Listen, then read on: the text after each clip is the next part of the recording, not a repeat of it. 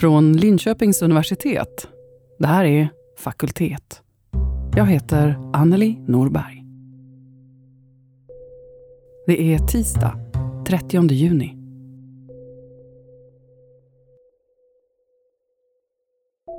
En mamma eller pappa dör. Eller flyttar till ett äldreboende. Och där står du, mitt i allt. Ska sortera och spara och slänga. Bland kartonger och detaljer och minnen. Vem var du egentligen? Och hur ska jag kunna göra dig rättvisa här bland tidningsurklipp och foton och fejktulpaner och finskor? Vilka minnen och berättelser är det som faktiskt klarar den här utrensningen? Och vilka är det som aldrig någonsin får följa med?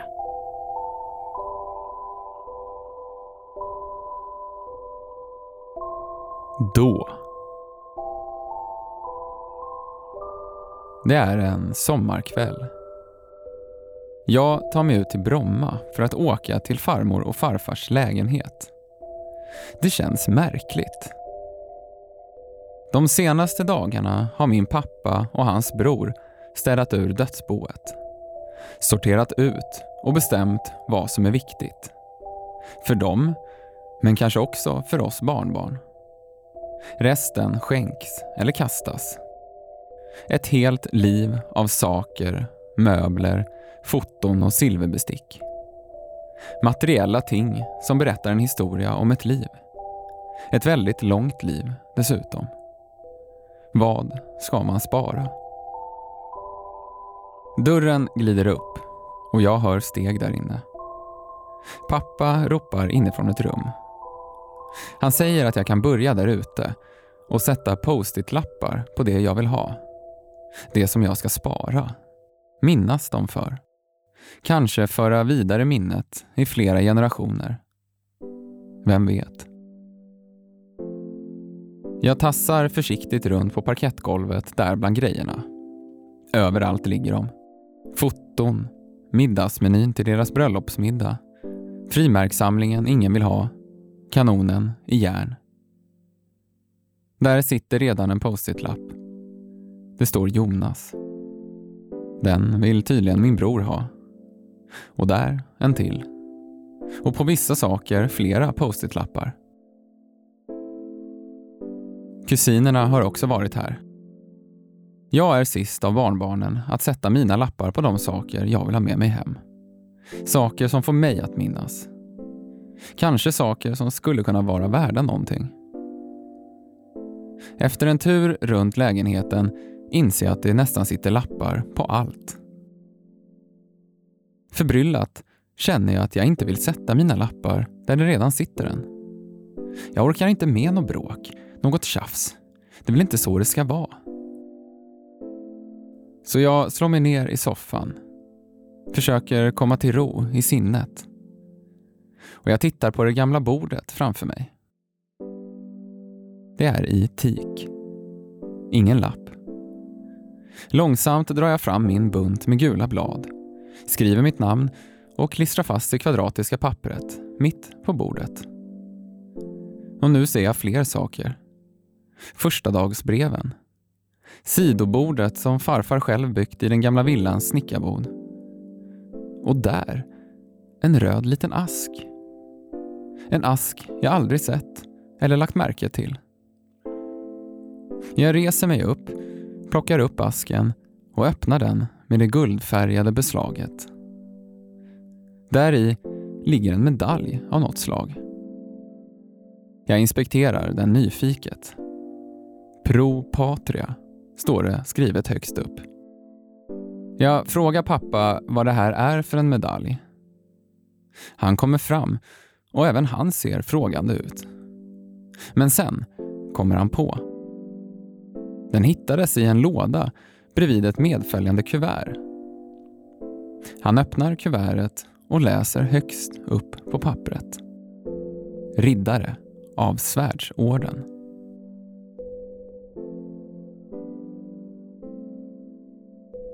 Mattias Edborg om sin farfar, riddaren.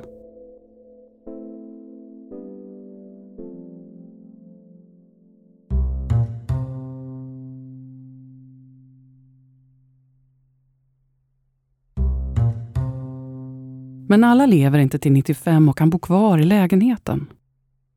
Många av oss anhöriga hamnar i den här situationen redan när en förälder fortfarande lever. När den allra sista flytten ska gå till ett äldreboende. Vilka bilder vill du ha med? Vilka blir du glad av? Vill du ha gamla gardiner med minnen? Eller vill du ha helt nya i din älsklingsfärg? Och hur får jag tag på halksockar i vuxenstorlek? Och en enkel men bra CD-spelare?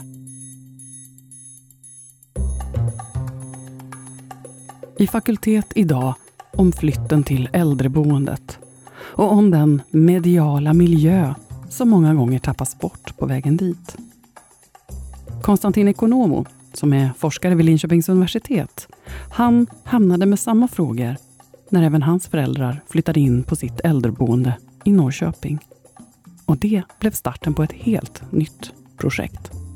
Det är ju en flytt, eh, men det är en flytt som man kanske inte själv eh, kan organisera. Man, man eh, kommer ju inte till ett äldreboende idag om man inte har något tillstånd eller är, så pass vårdbehövande så att man kan få en plats på ett boende. Och då är det den här flytten som oftast organiseras eh, av anhöriga, söner och döttrar. Jag har ju varit i den situationen och det väckte ju det här för mig. Vad ska jag ta med mig? Vad vill mamma och pappa ha? Vad gör man med hela det här hemmet som, som man snabbt och, och lite oförberett måste ta hand om? Så det är väldigt många saker som inte kommer med där. Och det blev jag lite, ja, lite ledsen över när, när, eh, när jag själv besökte mamma och pappa. När personalen bad mig, eh, här kan du fylla i en blankett som beskriver dem och vilka de var. Och då tänkte jag, kan jag det? Ja, nej, vill, vill jag det? Alltså varför? Jo, en väldigt fin och välvillig ambition att man på äldreboendet, att personalen ska lära känna de äldre. Också lite grann i eh, vilka de var. Men jag kände att det var inte tillräckligt eller jag kunde inte riktigt fylla i den därför att i mitt huvud så blev det som att ja, men då ska jag förklara vem de var. Är det ett helt liv? De är ju liksom 88 när de kommer dit. Eh, och ska jag göra det för att det ska vara liksom en slags vårdangelägenhet, att förstå hur de ska vårdas bättre? Eller mamma blir ledsen på förmiddagarna för då tänker hon på sin pappa som dog. Eller, ja, det, det, jag fixade inte riktigt att, att göra det på ett rättvisande sätt. Och samtidigt så betydde detta faktiskt också att vårdpersonalen, äldreboendet, är intresserade av människor, inte som vårdpaket utan som människor. Och det är en väldigt väl, vällovlig ambition. Och då kände jag att ja, men det där vill vi ju kanske hjälpa till med, kanske kunna fördjupa en berättelse om men inte kanske om, utan av de människorna som bor där själva. De har väldigt mycket att berätta och väldigt mycket att, eh, att bidra med som beskriver eh, deras vardagsliv. Men när du är i situationen att ha flyttat dit och då, då ser ju ditt hem plötsligt helt annorlunda ut. Du känner igen vissa saker. Din son i det här fallet då, har tagit med kristallkronan, för den ska ju med, eller hur? Och de här två fåtöljerna, de kan vi ju inte bara, bara skänka till myrorna. Och, men sen så måste det vara tillräcklig plats för eh, en säng som mer är som en sjukhussäng. Eh, badrummen är annorlunda för att personalen måste kunna gå runt, man måste kunna lyfta, man måste kunna gå omkring med, med rullstolar och tvätta folk. Och, så att ditt hem har plötsligt blivit ett mellanting. Och det mellantinget har vi liksom inte, det står ingenting om det i designtidningar eller, eller hur man ska inreda sitt äldreboende eller så, utan det får man ta bara. Och när, och när, när jag såg det så, så var jag ju som anhörig kände jag ju att det var otroligt viktigt att mamma och pappa blev väl omhändertagna. Så jag hann liksom inte. Och ja, visst, vi fick med eh, alla fotoalbumen men de har inte tittat på dem på länge. Det är inte så att folk sitter lugna i sin ålderdom och tittar tillbaks på sina liv via ett fotoalbum utan de, de vill ju berätta om det här. Eh, och det som också inte kommer med i flytten det är ju delvis eh, de sociala situationer där man tidigare har berättat. Och det kan vara för barnbarn och för, för barn. Eh, det var inte riktigt så för mig, för jag har ju hört alla de här storiesarna förut. Ja. Och det här som man ibland som anhörig, ja just det, nu ska vi titta på de här diabilderna igen och nu ska vi, ah nej, sluta. Så. Eh, så att det kan också finnas ett, ett glapp, liksom att jag kan deras stories, tror jag. Men i situationen att flytta så är det ju deras, deras hälsa som går först. Och då tänker man inte på att kanske bygga tillbaka också en berättelsemiljö, en, en medial miljö. Så vi blev intresserade av att studera detta. Pappa var ju en person som alltid läste. Eh, det var böcker i hela huset. Mamma gjorde också det. Mamma var en person som var väldigt politiskt aktiv och utåtriktad aktiv. Eh, och det där försvann plötsligt och jag, jag satt och packade ner böcker. Jag fick ju skänka en massa. Men jag satte upp dem igen och jag tänkte att ja men bra, det kommer vara jättefint för att de vill ha de här böckerna omkring sig. Och så säger pappa, nej, jag orkar inte läsa. Jaha, men, men va? Så. Så det var mer för eh, din egen skull? Kanske? Ja, kanske att det är så att man, att man skapar bilden av eh, sina föräldrar och sina föräldrars liv som man ju själv var delaktig i när man, man bodde hemma. Och så tog jag bara för givet, det ska med. Ja, gökuret måste med. Ja, det måste det faktiskt därför att, därför att eh, det var någonting som de köpte på någon av sina första resor till Schweiz för jättelänge sedan. Och så, där. så det har alltid funnits ett gökur hemma. Och det där retade jag mig på, den där jäkla göken som höll en vaken på nätterna. Men sen insåg jag att den där var ju otroligt viktig. Eh, så det där att plötsligt ha tagit för givet hur det ska se ut, men eh, inte riktigt kan förstå eh, vilken förändring det här har varit för dem. Och eh, när pappa inte, när pappa säger, ja men jag Ja, nej, jag har tröttnat på att läsa. Det är fullt, säger han. Och då sitter jag och funderar på, är det det därför att man så att säga intellektuellt har förlorat kontexten kring sammanhanget kring böcker, författare, vilka va, eh, och som man alltid har läst. Liksom. Eller är det så att han helt enkelt inte har tillräckligt bra glasögon eller att han inte orkar hålla i boken eller att han inte liksom förstår riktigt vad, vad ja det, det, det är massa situationer. Eller att han kanske är en annan person idag? Ja, det, det är ju en väldigt bra fråga. Eh, om man är en annan person så, så tror jag kanske att vi utan att tänka efter eh, förstår det uttrycket som att det är en sämre person eller en person som har tappat saker eller som inte längre kan eller som inte längre vill. Och det tror jag också är farligt eh, faktiskt. Eh, och att vi kanske i samhället, kanske också delvis inom vården och ibland inom, inom forskningen också, tänker att det handlar om minskade förmågor fysiskt, psykiskt, eh, kognitivt. så. Och det finns ju forskning som, som visar att det, det inte alls nödvändigtvis, nödvändigtvis är så. Utan vårt tänk är ju att det handlar kanske om eh, lite borttappade situationer och sammanhang. Och några av dem hör ju med social interaktion att göra. Några av dem hör ju med hur man eh, kan ta till sig och fortsätta vara en aktiv medieperson. Att liksom lyssna på saker. Det kan vara dina, din musik som du har med, som, som kanske känns naturligt för oss. Jag vet ju precis att med hela min skivsamling, det är klart jag ska ha den runt omkring mig. Jaha, men det kanske det inte är. Och, och så att den typen av, av sammanhang eller liksom blick för det här dilemmat som jag själv inte har kunnat lösa förstås. Eh, det, det ville vi lyfta upp. Eh, sen när man tittar på vad folk gör eh, på äldreboendet när det gäller just deras liksom, mediala. Alla har fotoalbum men väldigt få tittar i dem och använder dem. Radion håller på att försvinna. Väldigt få lyssnar så mycket på radio faktiskt. Tidningar, ja, undantag. TVn, det är den som är på. Men vad beror det här på då? Är det personalen som väljer eller är det de äldre som väljer? Vad tror du? Alltså man hamnar ju i en situation där man kanske inte riktigt vet att man kan välja, för man vet inte hur. Eh, och det blir en vana. Och den vanan kanske kan handla om andra saker som faktiskt naturligtvis är, ligger i förgrunden.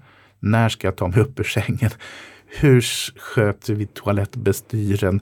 Hur, alltså det är klart att människor är, har inte den styrkan som vi har idag som sitter här och är 50 och kan liksom ja, fortfarande gå. Men, men eh, eh, det gör ju inte att vi andra ska ses folk som, som mindre kunniga i saker och ting. Men det finns ju naturligtvis också eh, en situation som gör att folk själva kanske ser sig som, nej men jag orkar inte detta eller nej. Men jag tror väldigt starkt på att eh, flytten till ett boende får inte med sig sammanhang och situationer som eh, det har varit naturligt att hålla på med berättelser, medier, att ha ett aktivt väljande eh, medialt liv. Här har vi faktiskt generationer idag som sitter på äldreboenden eller hemma som har vuxit upp med flera tekniska generationer av eh, medieprodukter helt enkelt och medieinnehåll. De, de människorna sitter, deras första medieapparat, det var kanske den här eh, fina möbeln i mahogny med en lucka som du fällde fram och så kom det upp en skivspelare och en radio och så hade du skivorna. Eller, eh, eller att gå på bio som många äldre berättar om, var en väldigt, väldigt stor eh, sak. Ja. Eh, att sätta på en skiva på en skivspelare, det är ju faktiskt en rörelse som du minns. Men skivspelaren kommer ju inte med.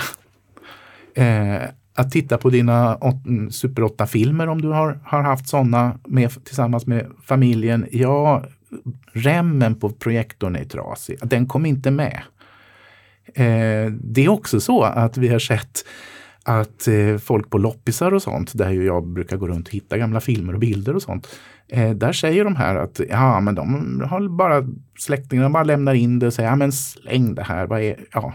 Och det tror jag att vi, vi inte orkar flytta med de sakerna därför att vi inte betraktar den miljön som eh, en aktiv mediemiljö. Sen är det ju så att boendena har ju... Alltså Eller kan det vara som så att man tänker att um, man slutar intressera sig för att titta på de här gamla bilderna? Så kan det väl inte vara?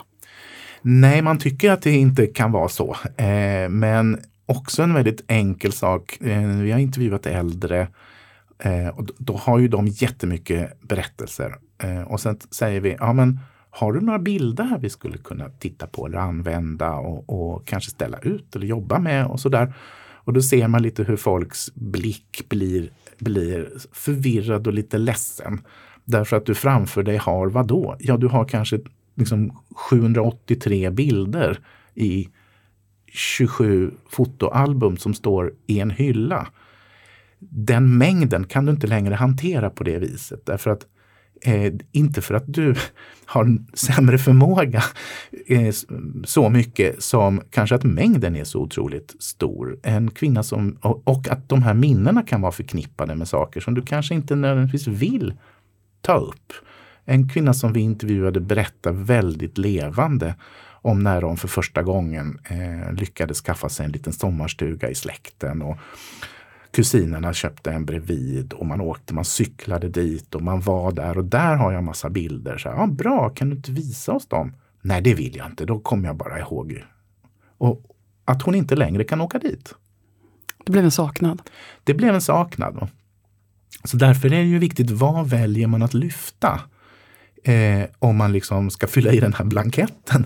Eller om man ska göra en utställning om det som, som eh, vi också har gjort.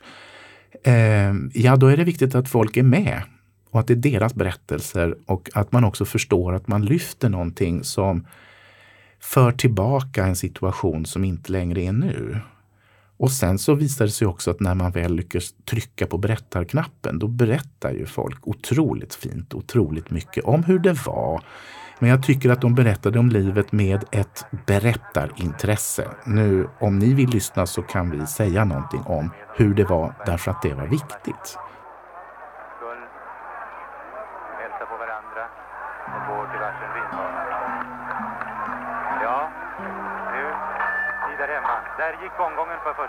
Nu hörde du saker där vi, bo, vi, vi, vi, hade radio men det gick inte på den kanalen som vi hade. Men, This is Radio Luxembourg with a special broadcast to our Swedish listeners on 49, 208 and 1287 meters, broadcasting a show from Stockholm arranged by Svenska Phillips and starting from about 3 o'clock, a direct report from Yankee Stadium, New York. Jag ska berätta hur det var grannen under hade det. Och rätt så högt på. Min man låg faktiskt på golvet och lyssnade på.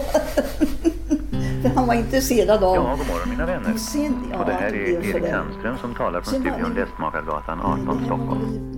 En natt mellan fredag och lördag som matchen gick. För vi var på torget sen på lördag. Och alla, vet du, alla pratade med varandra. Knyta till Ingemar så kan jag berätta att han åt middag idag klockan fyra amerikansk tid. Alltså han då åt en stor saftig biffstek alla mamma Ebba, massor av grönsaker och uh, två stora koppar svart kaffe. De var så glada alltså. Det var ju något så fantastiskt att vi hade fått en världsmästare. För det, det är något så stort alltså så det är otroligt förstår du. Märkte jag ju sedan när min kusin från Amerika kom. Att det, var lika, det var stort där med att en, en, en svensk som hade vunnit. Mm. Här är också New York. På Yankee Stadium. Det finns faktiskt bara ett ord som vi kan använda i det här sammanhanget nu och det är äntligen där hemma. Där gick omgången för första ronden. Claes Pettersson kommer ut ganska långsamt. Ingemar går fram och petar med en vänster. Sedan en rak vänster in. Alltså, sen tyckte jag det var så synd att just att Floyd var, var svart. Alltså. Jag tyckte att, för de kämpar ju så väldigt för sitt. Så det tyckte jag var lite tråkigt att han skulle förlora. Mm. Men så är det.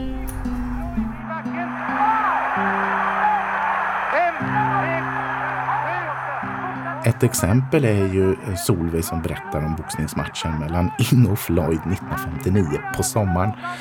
Eh, där alla, ni vet Ingemar Johansson, svensk boxare, som åker till USA, Madison Square Garden och blir världsmästare. Alltså den klassiska underifrån berättelsen och det sätter Sverige på en internationell karta.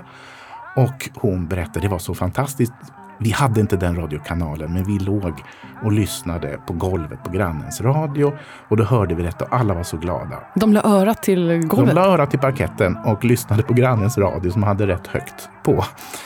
Eh, men sen vänder hon plötsligt och så säger hon, ja men jag tyckte så synd egentligen om Floyd. För han var ju svart och de svartas rättigheter var så undantryckta och de kämpade så för sina rättigheter i USA. Och då kändes det, nej men här sitter en vanlig människa i Sverige 1959 och har ett rasmedvetande och är medveten om saker i världen och har en solidaritet. Ja. Och då blev det så att den berättelsen säger någonting om henne. Ja, och den kan vi liksom, åh, vi lär oss någonting om hur kul att man, man liksom låg och lyssnade på och, och, hur engagerad man var i detta. Och sen plötsligt så, så blir det som att den generationen berättar någonting större för oss om solidaritet som de kände. Och liknande berättelser finns ju i de här barnrika husen. De pratar också om, om gemenskap som, som, eh, som man skapade tillsammans, även om man inte hade pengar. Eh, så det blev som att en slags generationell berättelse. Det här är lika mycket ett forskningsprojekt som ett gestaltningsprojekt och alla inblandade bjuder mycket på sina egna minnen och medievanor. Man kan säga att till och med själva metoden bygger på att dela med sig. Bjuda på sig själv och sin nyfikenhet och kreativitet och omsorg.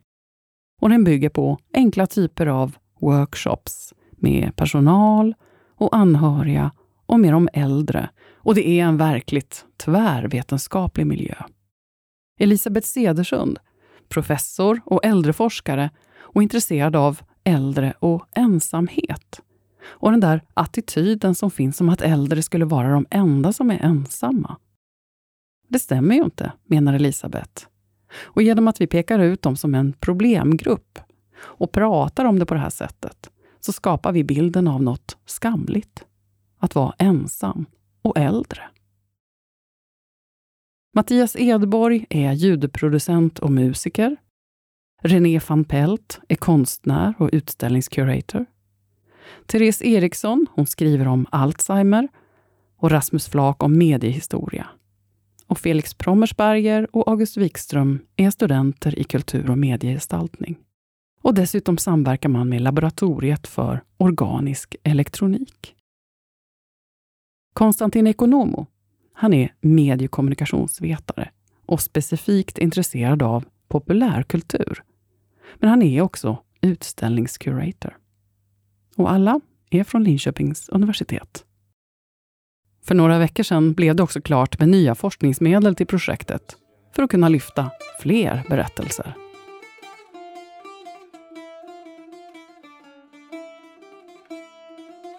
En sån berättelse har, vi ju, har jag ju också gjort en liten, alltså, eh, pappa brukade berätta att han, när han var ganska ung, under kriget då, under ockupationen i Aten, eh, när man någon gång jobbade och hade ett jobb och så fick man plötsligt betalt kanske någon gång sådär sporadiskt. Då gällde det snabbt att springa iväg och köpa upp de pengarna därför att dagen efter kunde de vara värda hälften.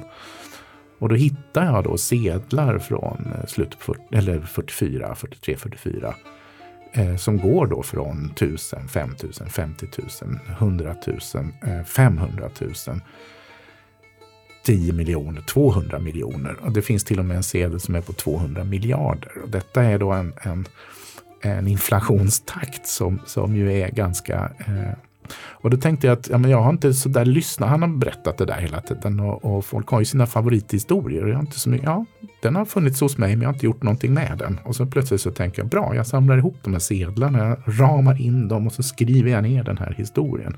Och så blir det en slags minnesbild eller minnestavla eller minnesobjekt. Och det är ju också ett exempel på att man skulle kunna jobba med äldre öppna en byrålåda och se vad du hittar eller ta några foton från, från fotoalbumet och, och sen gör vi en liten berättelse. Och de som är värda att spara och som vi tycker är intressanta, de kan vara med i det här projektet, i den här boken eller sätta den på väggen eller göra det i form av en utställning eller så. Och sen, och, och sen var det lite så som vi jobbade, för, för alla vi, både Elisabeth och jag och studenterna, har ju, har ju naturligtvis en massa sådana minnen. Då, eller föremål som man kan göra ett minne ifrån. Så alla plockade fram saker om någon äldre släkting eller någon. Så, och så jobbade vi på det, att vi metodologiskt jobbade ganska nära ihop med det, det studie fenomen som vi, som vi också höll på med. Så försökte vi hitta någon slags eh, växelverkan mellan att jobba med de äldre på det viset. Så.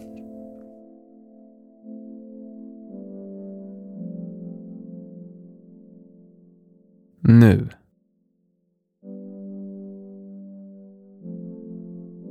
Jag plockar ur en ljudfil från en mapp i datorn. Den har titeln Solveig plus Ingo. Det är en berättelse om Ingmar Johanssons världsmästartitel mot Floyd Patterson 1959. Ett stort ögonblick i svensk idrottshistoria. Ett minne Solveig delat med sin man från en tid som nästan är bortglömd. Jag får själv frågan om jag har ett minne som jag vill dela med mig av. Något som betytt mycket för mig. Jag funderar. Och jag inser ganska fort att det här kommer bli en svår uppgift för mig. Ett visst samlarbeteende representerar min existens. Och jag lägger stort sentimentalt värde i saker. Jag får ett ångestpåslag när jag ska kasta grejer. På vinden hemma står 15 år gamla och dessutom trasiga stationära hemdatorer och samla damm. Bara för att jag vet att jag en gång i tiden suttit där framför skärmen, skrivit ner ackord och låttexter och spelat in dem med ett sprakande gammalt headset. Enbart vetskapen att de finns där, fast jag inte lyssnat på dem på så länge, gör att jag inte kan slänga dem.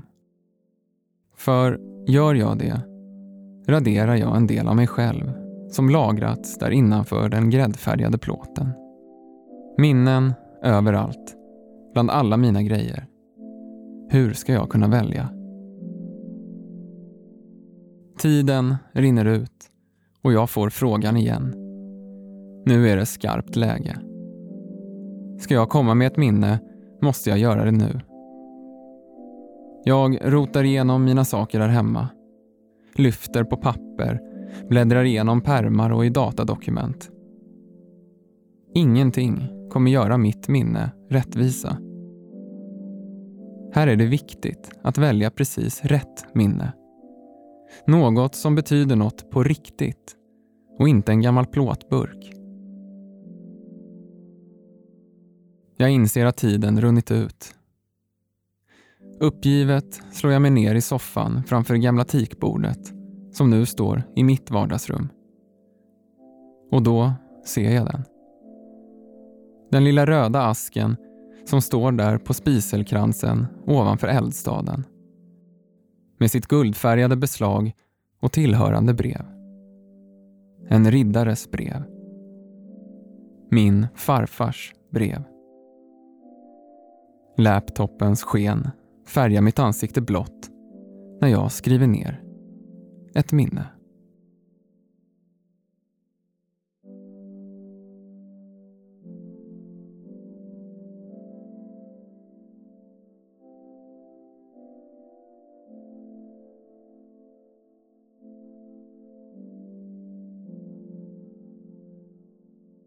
För vem ska man berätta om vem jag en gång var?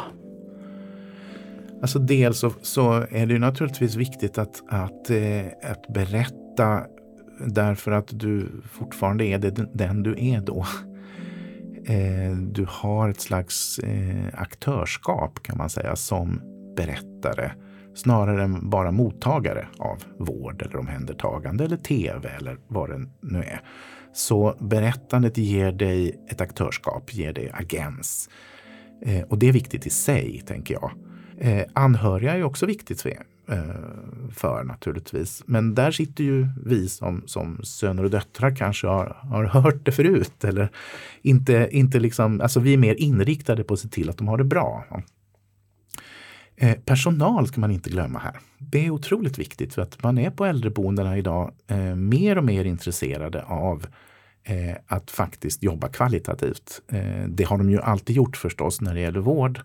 Men eh, vårdkvalitet tar ju idag in också eh, vardagslivskvalitet kan man säga. Och också man forskar mer och mer om det.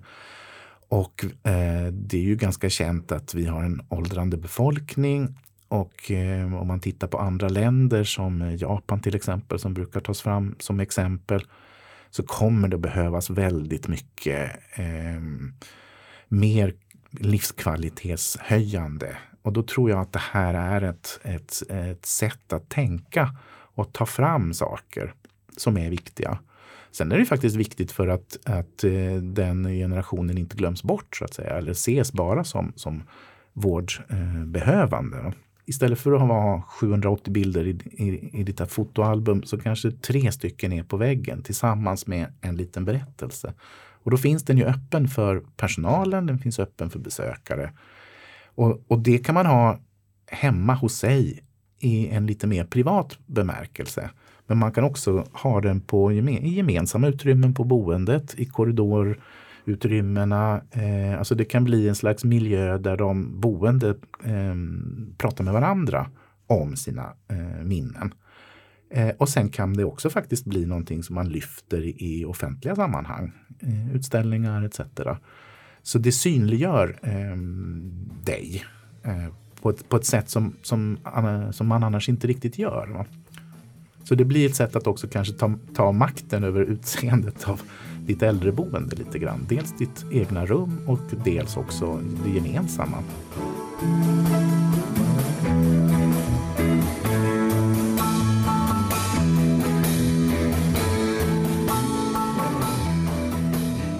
The soundtrack of my life. Mitt livs spellista. Har du en sån? Har du gjort en egen lista över den musik som du absolut inte vill vara utan? Vilka låtar som har betytt någonting särskilt för dig? Vilka serier och konserter och event som du alltid vill kunna ha med dig?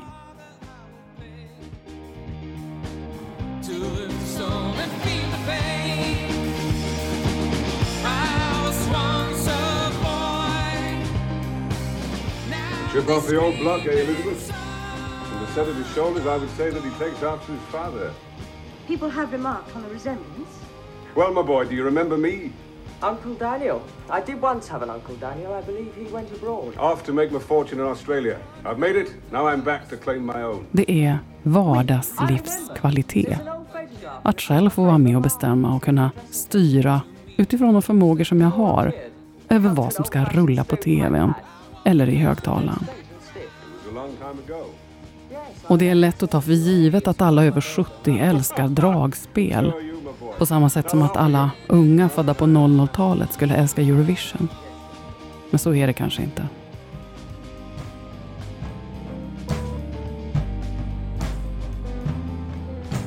Då blir det ju väldigt fördomsfullt förstås om man, om man nu säger att ja, men vi tror kanske att det är Kalle Jularbo som går på alla äldreboenden nu. Fast min vision är ju snarare att man går i en korridor och så kommer det liksom ljud från de olika rummen och där är det liksom Metallica eller Pink Floyd. Eller Onedin-linjen kanske, den tv-serien. Ja, den gjorde starkt intryck på mig när jag, var, när jag var yngre. Den kanske jag skulle vilja ha, kunna titta på. Och det kommer att kunna gå eh, om man gör intelligenta, alltså intelligenta i meningen i vår mänskligt intelligenta system för eh, urval. Och då måste den inputen vara mer individuell och vara mer gjord i samarbete med de äldre. Och sen kan man då hitta former för hur man också kan skapa en levande mediemiljö i ett rum och på det här boendet. Trust I'm sure can have the pleasure of viewing our curtains. You can bet your boots on it. Boots? Oh, oh yes. Goodbye, Mama. Uncle Daniel.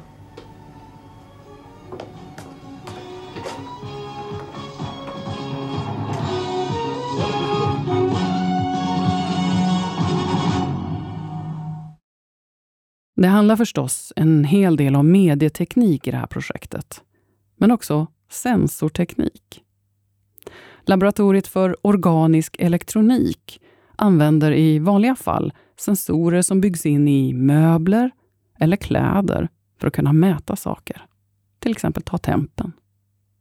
Men i det här projektet så har de istället börjat tänka lite tvärtom. Att använda ett föremål eller en morgonrock eller en älsklingströja som fjärrkontroll, som interface. Vi jobbar just nu med någonting som eh, liknar en bok. Eh, där du då eh, kan lätt trycka och få fram den här typen av berättelser eller eh, musik eller tv-program. Eh, och som är fungerande utifrån din individuella eh, läge just nu. Man kan då tänka sig att om jag tänker att jag hamnar där så kan jag så att säga bläddra och peka och trycka och få fram ett innehåll. Ehm, men om några år senare kanske jag inte längre kan det. Ja, då kan man ju gå vidare och kanske i en enklare form ha eh, sytt in eh, sensorer i sina kläder, sin favoritskjorta eller någonting sånt där. Och så gnider jag mig på axeln lite och så, och så skickar jag då en signal att eh, tvn ska ska spela den här serien eller, eller så. Och det där har vi gjort eh, med ett innehåll som också har med sig lite av de här personliga historierna. Eh, och faktiskt också så kan man säga att ja, men jag eh, skulle vilja ha eh, Pink Floyds Wish You Were Here till exempel, för er som kommer ihåg den skivan. Och då kan man ha text med som också berättar faktiskt för anhöriga och för personal. Ja, men jag gillade att lyssna på hela LP-skivor för att jag såg dem som en, en hel berättelse och jag kunde lyssna på dem dag ut och dag in i en viss ålder och den var väldigt viktig för mig. så. Så att man faktiskt också kan bygga in det där så att folk kan se att ja, men just det, det är så man, man gjorde. Och när vi jobbade fram de här sakerna, det gjorde vi tillsammans, Elisabeth och jag och studenterna så tittade vi på våra egna samlingar. Vad skulle vi vilja göra? Alltså vi använde oss själva så, som, som metod liksom, att, att titta på. Eh, ja, då säger en av studenterna, men för mig var det en spellista. Ja, det är klart det För, för honom är det en spellista, för mig är det en LP-skiva. För någon annan är det en, en eh, minnesbok som man har skrivit eh, texter i för varandra. Och, en dagbok kanske? Dagbok, ja, precis så. Och att eh, vi upptäckte naturligtvis eh, också ännu mer hur beroende vi kan vara av våra mediala tidigare minnen av vad, vad är en LP-skiva? Eller blandband, kassettbandet eller diabilden eller så. Och det där är ju inte nostalgi utan det är, det är snarare en vana vid hur man tillgängliggjorde eh, sig innehåll helt enkelt. Bara att sätta på en LP-skiva. Och eftersom det där har förändrats så pass snabbt och vi tänker att innehåll bara är eh, själva musiken i digital form snarare än att det är situationen att sätta på en skiva eller att liksom eh, så, är, så, så, tycker jag det är ännu viktigare att få tillbaks lite av de situationerna, att fundera över det.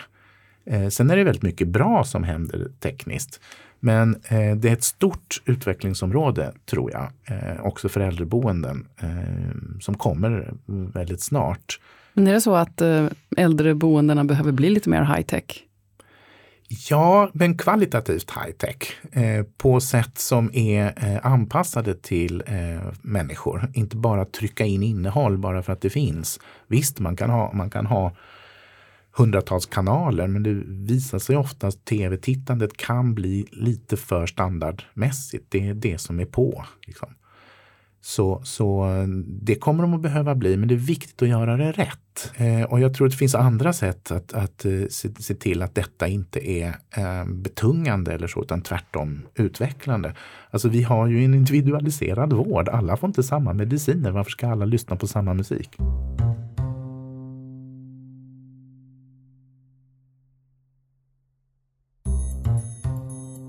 Rullatorn Symbolen för ett aktivt liv. Ja, så kanske vi inte är vana att se det. Men faktum är att de senaste åren så har attityderna kring just rullatorer svängt. Idag är det ett tecken på ett aktivt liv som du själv styr över. I Tyskland finns till exempel en grupp forskare som har provat ut en omvänd rullator som har stöd i ryggen för att du ska kunna fortsätta att dansa. För det är viktigt att hålla igång kroppen och göra något lite nytt. Poängen med detta det är att du utför rörelser som är ovana för dig. Och det är bra träning. Det som är, för det tvingar både kroppen och eh, intellektet att anpassa sig och fortsätta lära. Det är inte bra att fortsätta bara med sån här standard fysträning eller kognitiv träning som är upprepande. Och det är ju det alla gör. Va? Man drar i sina gummiband och man, man så. Eh, därför att det, det är inte utmanande. Eh, för man slutar aldrig att lära. Både fysiskt och intellektuellt. Men i mycket mindre form naturligtvis. Men att man kanske tror att bara de håller igång, eh, alltså när man gör upprepande fysträning, så är det bra. Men de menade att eh, det dör ändå muskelceller eh, på grund av detta. Utan det vi behöver, det är eh, stimulans. Eh, på så många olika vis, både fysiskt och, och kulturellt. Då, och variation? Variation, ja. Det oväntade, men det oväntade är ju inte farligt. Det oväntade är ju liksom, ja ah, men nu kan jag sätta på den här Pink Floyd-skivan. Eller nu kan jag göra något annat. Eller nu kan vi liksom och att man har eh, handen över det. Så eh, det oväntade är ju inte det, det som vi inte kan hantera. Eh, tvärtom kan det faktiskt vara så att man ju mer eh, ba, bara upprepande eh, gör att, att man, man ändå går ner liksom, i, i förmåga.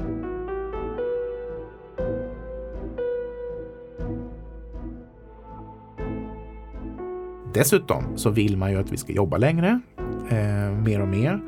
Eh, man pratar inom, inom andra typer av forskning om eh, att, att vi snart kommer att bli 150 år gamla. Att vi, och är det så, så att säga ett mål att, att eh, förlänga oss utan att ha kanske en tanke på vad ska man göra under den tiden då? Eh, och då blir det ju viktigt att, att eh, aktörskap finns kvar, agens finns kvar, erfarenheter som den generationen har med sig eh, gestaltas och uttrycks. Eh, så det finns ju den här, eh, inom eh, äldreforskningen pratar man ibland om äldre äldre, alltså folk som är med, väldigt, med stora behov, med stora vårdbehov oftast.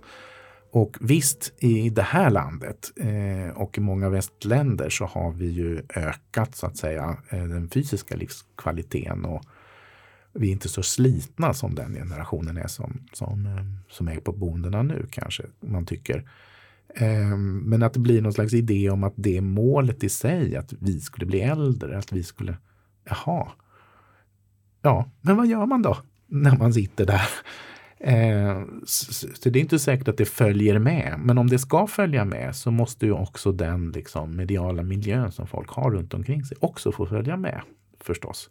För den gör att du blir eh, med i världen. Du kan något om den och du kan också bidra till med dina erfarenheter eh, i den. Men det är ju ganska stora krav vi ställer på eh, personalen på äldreboendena. De ska kunna spela backgammon och de ska kunna dansa. De... Ja, eller så kan man tänka att kommunen eh, breddar sig lite grann och också anställer eh, människor som är duktiga på, alltså medieproducenter till exempel, kulturproducenter, som kan ta fram de här berättelserna och göra dem till en aktivitet på, på boendet. Ja.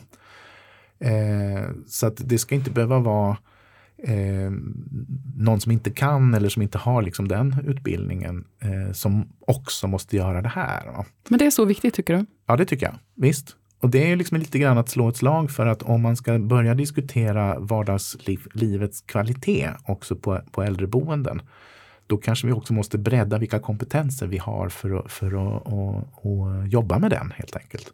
Det är inte konstigare än så faktiskt. Nu kan man ju säga att om man också har en vårdbudget som går på knäna eh, så kan det vara svårt att tänka så. Men som sagt, man har erkänt mer och mer behovet av ökad livskvalitet. Om man då eh, kan faktiskt få folk att må bättre i sitt vardagsliv så kommer man också att upptäcka att man mår bättre ur vårdperspektivet också. Och sen är det ju det att eh, ett äldreboende eller om du bor kvar hemma, det är ju faktiskt en plats eh, som som du rår över och som du bor i, inte som du bara är i.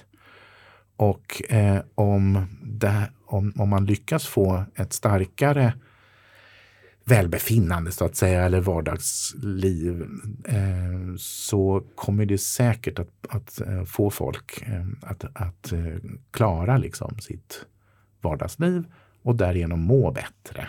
Sen kommer alla att någon gång lämna oss naturligtvis. Eh, för man är gammal och eh, på våra äldreboenden så är man, så är man väldigt gammal. Det här med att jobba med sin egna liksom, berättelsemiljö, dels sin egna berättelse men också eh, musik och filmer och annat.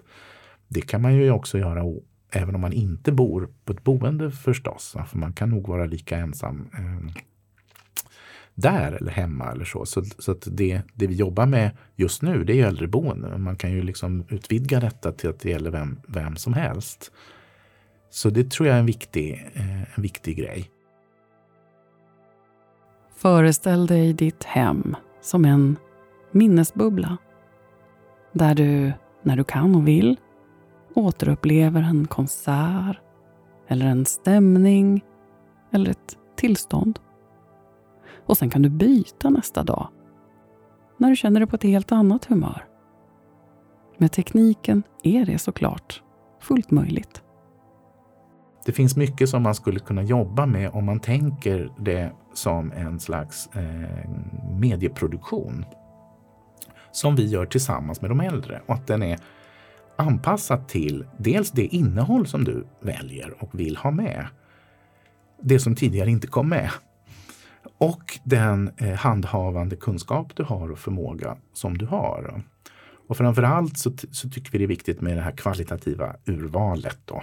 Så att jag börjar redan nu och göra listor på saker som jag skulle vilja kunna lyssna på, kunna titta på. Då visar det sig att det är inte för min egen del, ja men det är inte det som kanske eh, finns just nu. Utan det är den här tv-serien från 90-talet som jag gärna vill se tillbaka på. Och då kan man försöka skapa ett arkiv av dem som naturligtvis går att spara digitalt men som inte är beroende av molnet eller inte beroende av algoritmerna.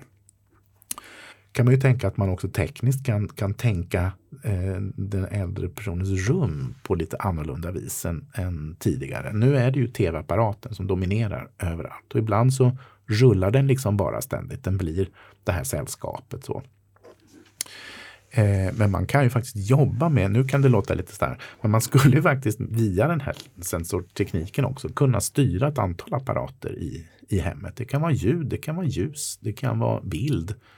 Eh, så man kan faktiskt bygga om miljön ibland och gå in liksom lite grann i en, en, eh, en minnesstund om man så vill. Eh, så jag kunde ha liksom Wish You Were Here, Pink Floyd, inte bara lyssna på själva musiken utan det kanske kan gå på liksom en konsertinspelning från 1969 nio eller när, nej, senare är det, förlåt. eh, med dem och det ljuset går ner och blir lite sådär rött och blått. Och så. Wow, en liveföreställning. Ja, Ja, ja, visst. Hemma. Jo, men man måste, man måste få tänka lite knäppt va? för att liksom komma till det som också går att göra. Eh, så då är det ju mer en slags upplevelse. Mm.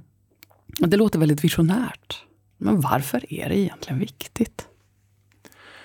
Alltså det, ja, om jag ser framför mig att eh, jag har så väldigt mycket saker, eh, skivor, bilder, väldigt mycket sånt. Och om inte jag skulle kunna ha med något av det, vad, vad skulle min vardag vara då?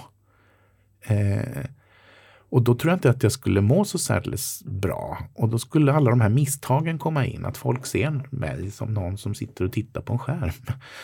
Eh, det finns många äldre som är väldigt aktiva, ja. Eh, men det finns också många som inte är, eh, kan vara det längre på samma sätt. Och då, då kommer man ju se mig som eh, ja, en ganska trött och ledsen person. Som jag antagligen kommer att vara också. Eh, men sen så tänker jag för min egen del och för mångas del att kunna ha kvar förmågan att berätta för andra om mig och mitt liv. är en ganska stor grej tror jag. Och att kunna få hjälp med att göra det relevant. Eh, och bland de som finns runt omkring mig, andra boende och släktingar och, och personal och, och, och, det också. Så att man, man blir eh, någon som, som eh, producerar saker, producerar liksom bilder av sig själv och andra.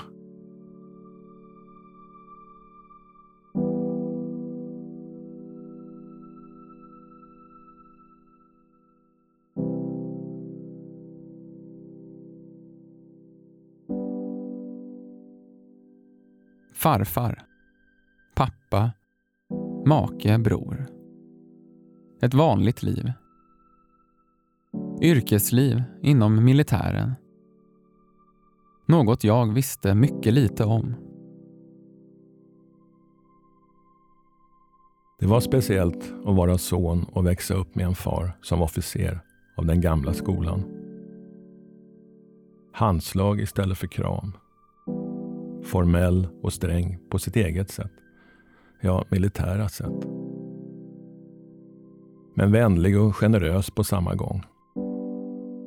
Och denna starka integritet som inte gick att komma innanför. Resor till fjärran länder. Tillbakadragen, men lyhörd. Snickarbod i källaren mynt och frimärkssamlare. Min farfar. Överste. Det gällde att hänga med i skidspåret när han plöjde fram med vit anorak och blå skärmössa. Han som aldrig gav upp. Ens när slaget verkade förlorat i sporten eller vardagens utmaningar. Han kunde gå loss på en trasig tvättmaskin eller trilskande bilmotor i dagar om så krävdes. Om sådana egenskaper premierades på sin tid var han uppenbarligen ett gott officersämne. Blev så dekorerad som major på tidigt 60-tal vid denna svärdsorden. Blev småningom överste. Det var förstås inte genom insatser på slagfältet han förtjänade den. Hur vet vi inte. En flintpistol på väggen.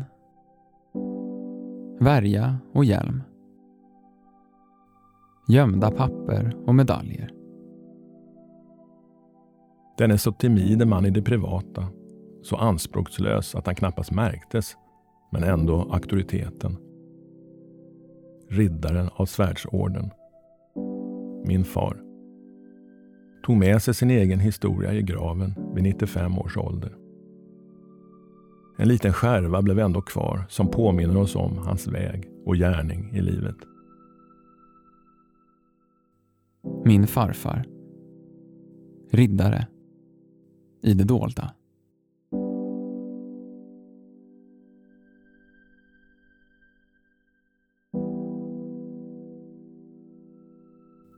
Lars och Mattias Edborg om far och farfar Hans Edborg. Och Mattias det är alltså en av studenterna i det här äldreprojektet. Tack Mattias för din story. Till vardags är han musiker och podcastproducent och gör bland annat podden Mannen med den gula rocken. Finns där poddar finns.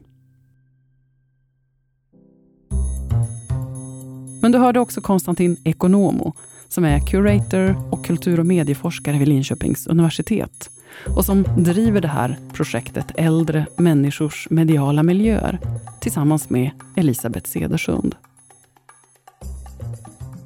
Jag heter Anneli Norberg. Vi hörs!